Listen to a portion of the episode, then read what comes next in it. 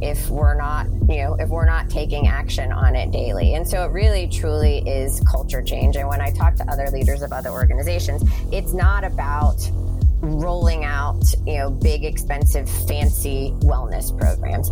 That's great if you have the money to do that, right? But what you'll see, and there's been a lot of articles written that, like, you know, wellness programs don't work, wellness programs that fail, wellness, and and the reason is is because you have to step back and you have to look at the Welcome to Innovation and Leadership, where I interview uncommonly high achievers like top investment fund managers, elite special operations soldiers, startup CEOs who sold their companies for billions of dollars, pro athletes, Hollywood filmmakers, really as many different kinds of experts as I can the whole idea is to hear how they did it and then what advice they have for the rest of us that can be applied to the organizations we're trying to grow and innovate. Thanks for listening, and I hope you enjoyed today's show. Today on the show, I've got Jen Fisher. Jen, thanks for doing this. Thanks for having me. So, tell us what you get to do at work.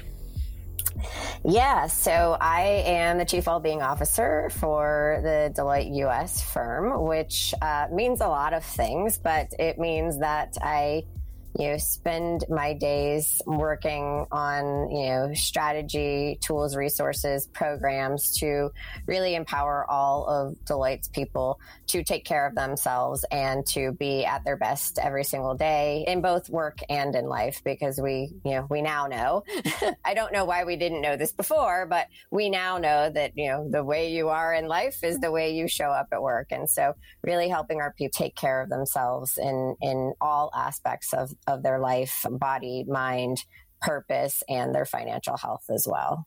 Oh, that's great. And and how long ago did the new book come out?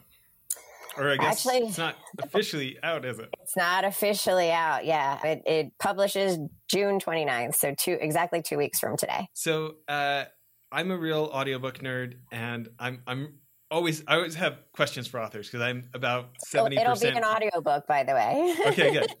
Uh, I'm about 70% the way through my first book. Um, how, about how long do you think the process took you?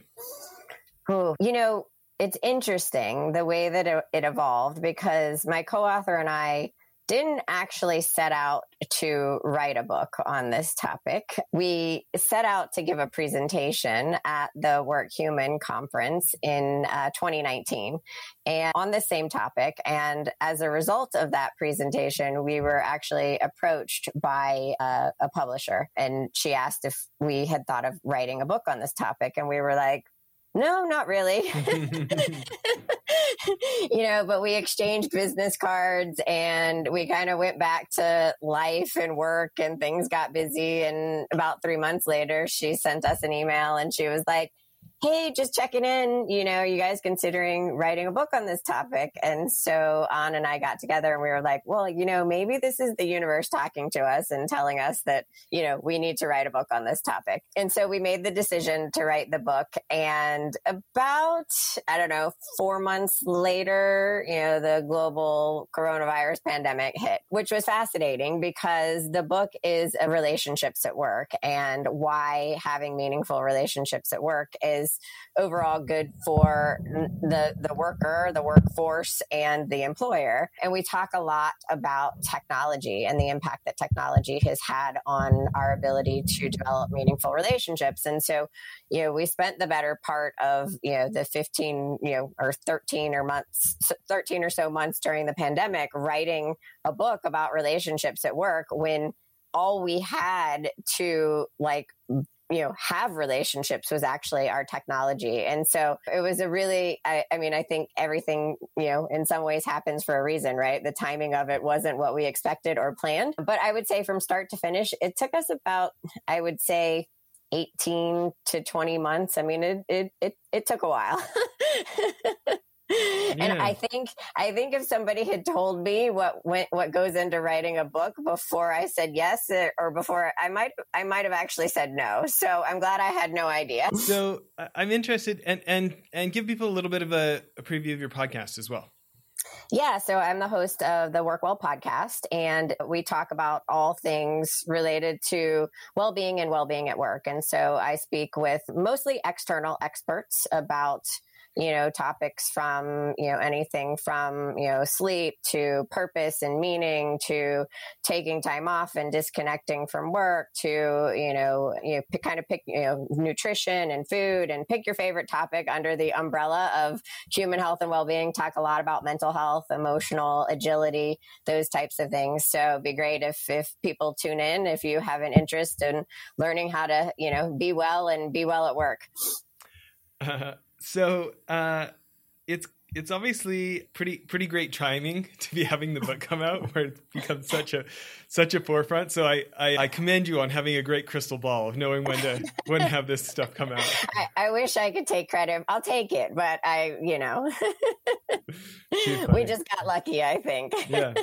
Well, um, about how many employees does 60,000 in the US and then we have a pretty significant workforce that is located in India which takes us to about 120,000 which cons- is considered our, our, our entire US workforce. Okay. When you think about well I'm I'm interested in this. Slightly off topic maybe maybe not. Not too many people stay at companies for a long time these days. And this is the same question. We had this great woman from Adobe on last week who also, like yourself, just passed 20 years at the same organization. Yeah. Much less common. What do you think that Deloitte has done right to be able to to keep you there when when there's obviously opportunities to go elsewhere?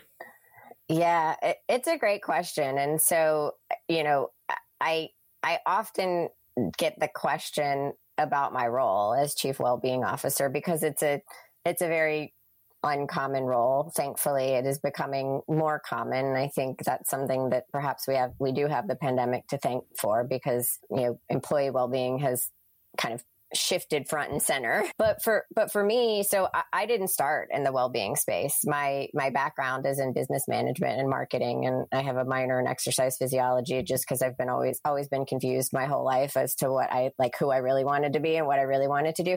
But I think the greatest thing about Deloitte and my role as chief well-being officer is even though it's a huge organization it's very entrepreneurial in spirit. And so, you know, there's lots of opportunity to move around and to do different things and to try new things and to learn new things. And, and, and quite frankly, if you have a good idea that is good for the organization and good for its people, we're, you know, we're all ears. And, and that aligns with my story as chief well-being officer. It wasn't like, you know, I mean, it, it actually kind of came up out of a, a personal really personal experience of mine of experiencing burnout about six and a half years ago.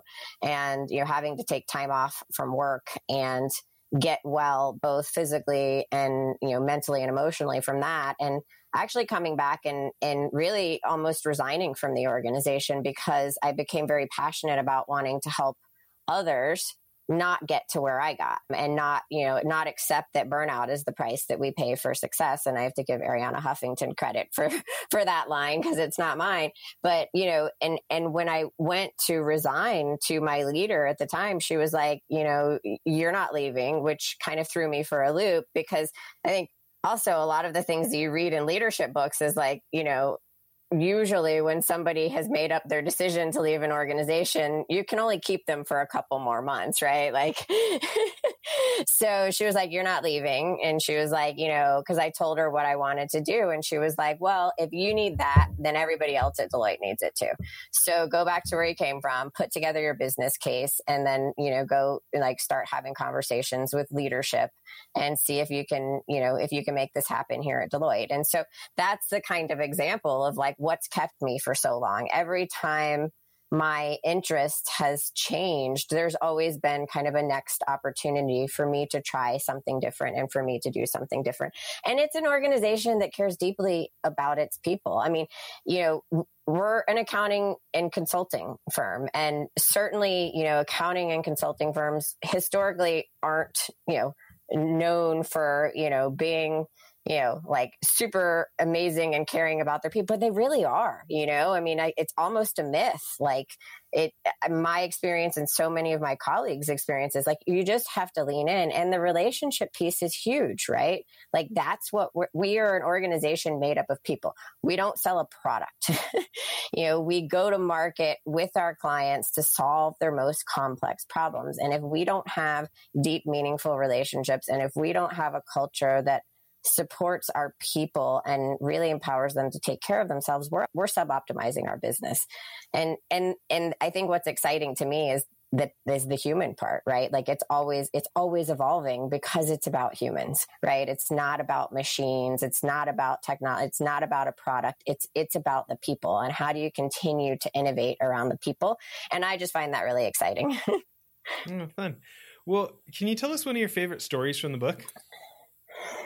One of my favorite stories from the book. Let's see. I don't know that I would say it's like a favorite story because it's a it's a little bit it exposes me a little bit, but it is probably one of the most meaningful stories from the book. I guess there's two. I guess my favorite story from the book is that my co-author and I, you know, the book is about relationships and the way that we met and the way that we got to know each other and got close is through a mutual mentor of ours, right? And so it's one of those, you know, like we probably would have never met if it wasn't for this person. So it's kind of like six degrees of separation. And so uh, we talk about that in the book. But I think, you know, for me, the most powerful story in the book and part of the inspiration for my passion around relationships at work and you know writing this book is that there was a time in my career early on when i became a you know a team leader a people leader where I didn't value relationships. I believed that we went to work to get tasks done. And I was truly just a taskmaster.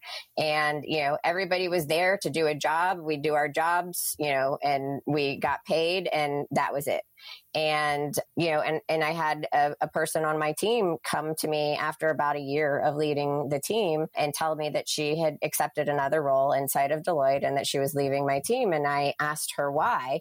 And she you know was very kind of open and honest with me and said well you know you never really like invested in getting to know me as a person. You don't really know what i like to do, what I don't like to do, you know, what my like what my personal life is, what my, you know, like the things that matter to me in my life, the things that light me up, things that give me energy. Like you never asked any of those questions.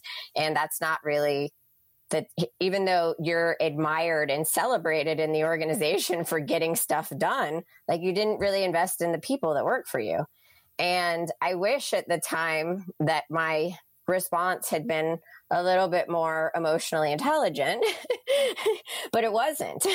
It was it was you know it was protective of myself defensive right? And it wasn't until probably 18 months or almost 2 years later after I'd gone through my own burnout because you know being a taskmaster doesn't work for anyone not for the people that work for you and not for yourself either you know because you're you're not a machine and neither are they and going through my own burnout and really kind of redefining for myself what I wanted my life and my work to look like. That her words came back to me. And at that moment, really meant something.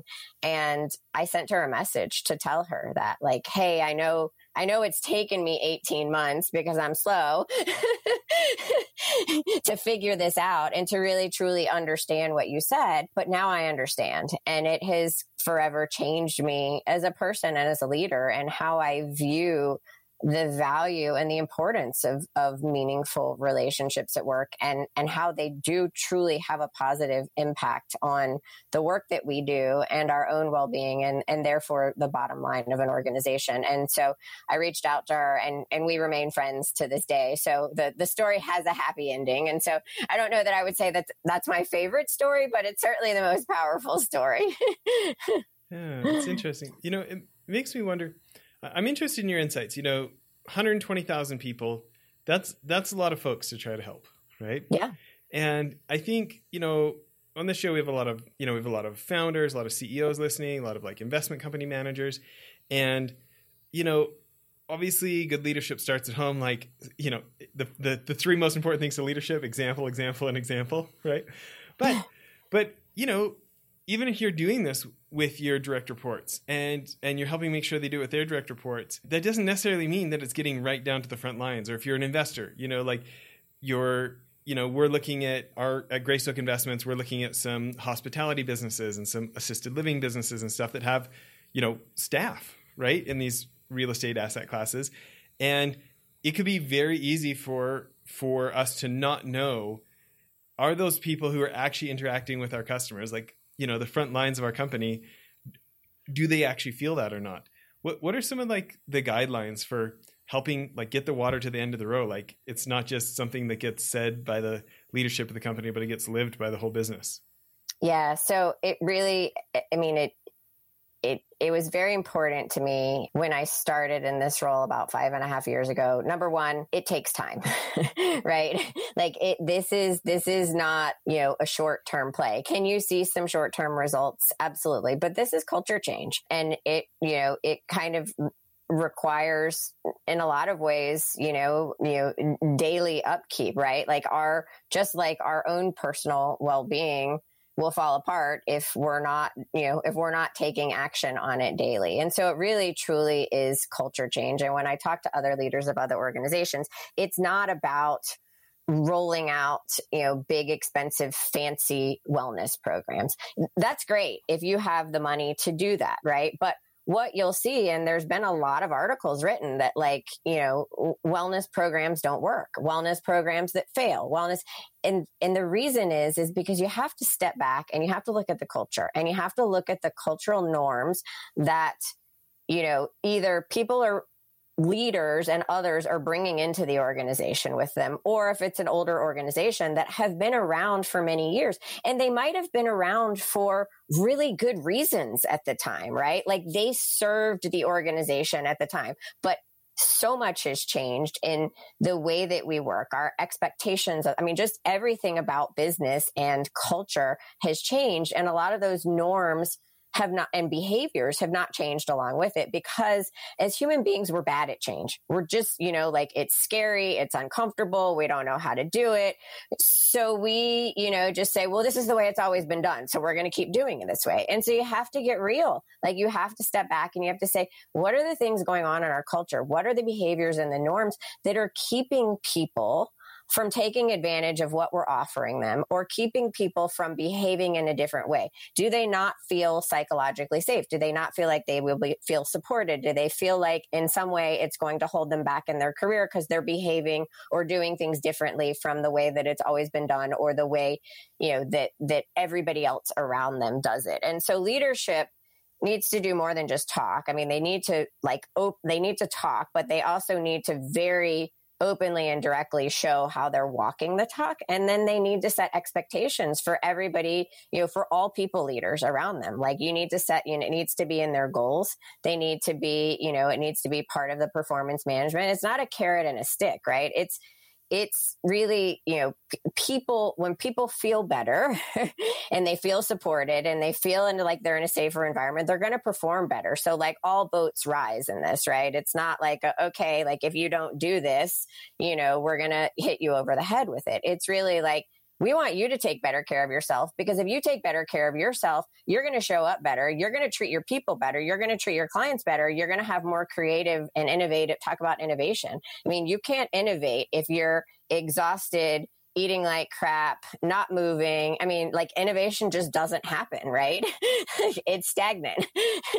and so, but you have to also make it personal. Like you have to make it like people need to define it for themselves, right? Like what is it that matters most to me and and create a framework that allows that allows for that that helps give them structure but also allows for the flexibility for each person to kind of execute or empowers each person to execute that in a way that matters most to them so that you know one person's goal isn't more important. Like if i want to train for a marathon and you want to learn to knit you know, mine isn't more important than yours, but it has equal footing, right? And those are just, you know, two examples, but it could be infinite number of examples, right? So you have to, I mean, you have to make it part of the culture. You have, you do, I mean, as much as I actually struggled with making part of, making it part of performance management because I was like, I don't really want to measure people on it because then it's going to feel like something that they have to do. But the truth is, is like, when we have to like when we're measured on something we do it. And that's just the reality of it right? And so and then you have to kind of make it part of every touch point like meaningful touch point or milestone with your workforce right? So when they're coming into the workplace like what does onboarding look like? And how are you know how is it well-being embedded into that? What is each like career milestone or promotion? And then what we're looking at at deloitte which is kind of like our next innovative thing is well-being in the flow of work. And so how do we empower people either through the use of technology or the way that we actually design work itself to bring well-being into the like design it into the day as opposed to having it be like something I do after work or a layer on top or before work when I maybe have time and I'm not too exhausted. But how do we build it into like kind of those micro moments throughout the day where it not only permissions people, but that it's just kind of a part of the design of work itself? Oh, that's great. Well, listen, I know we're winding down for for part one of the interview here. Where where can people find the book? Where can people follow you if they want to yeah, dig so into this? The book is called Work Better Together and it's available for order on Amazon. So you can check it out there or really any, you know, check any of your book retailers. You know, you can ask them to order it for you if they don't have it in stock. But you can also find me on uh, social media. I'm on LinkedIn, Jen Fisher. I'm on Twitter and Instagram, JenFish23. And then a reminder that the podcast is Work Well, all one word. And that's on any podcatcher that you tune into podcasts for. No, that's great. Well, everybody, please tune into part two. I can I can tell you the first question I want to know about is how to build well-being into work life instead of just on top of. So hopefully everybody will tune back in for that. Thanks for doing this, Jen.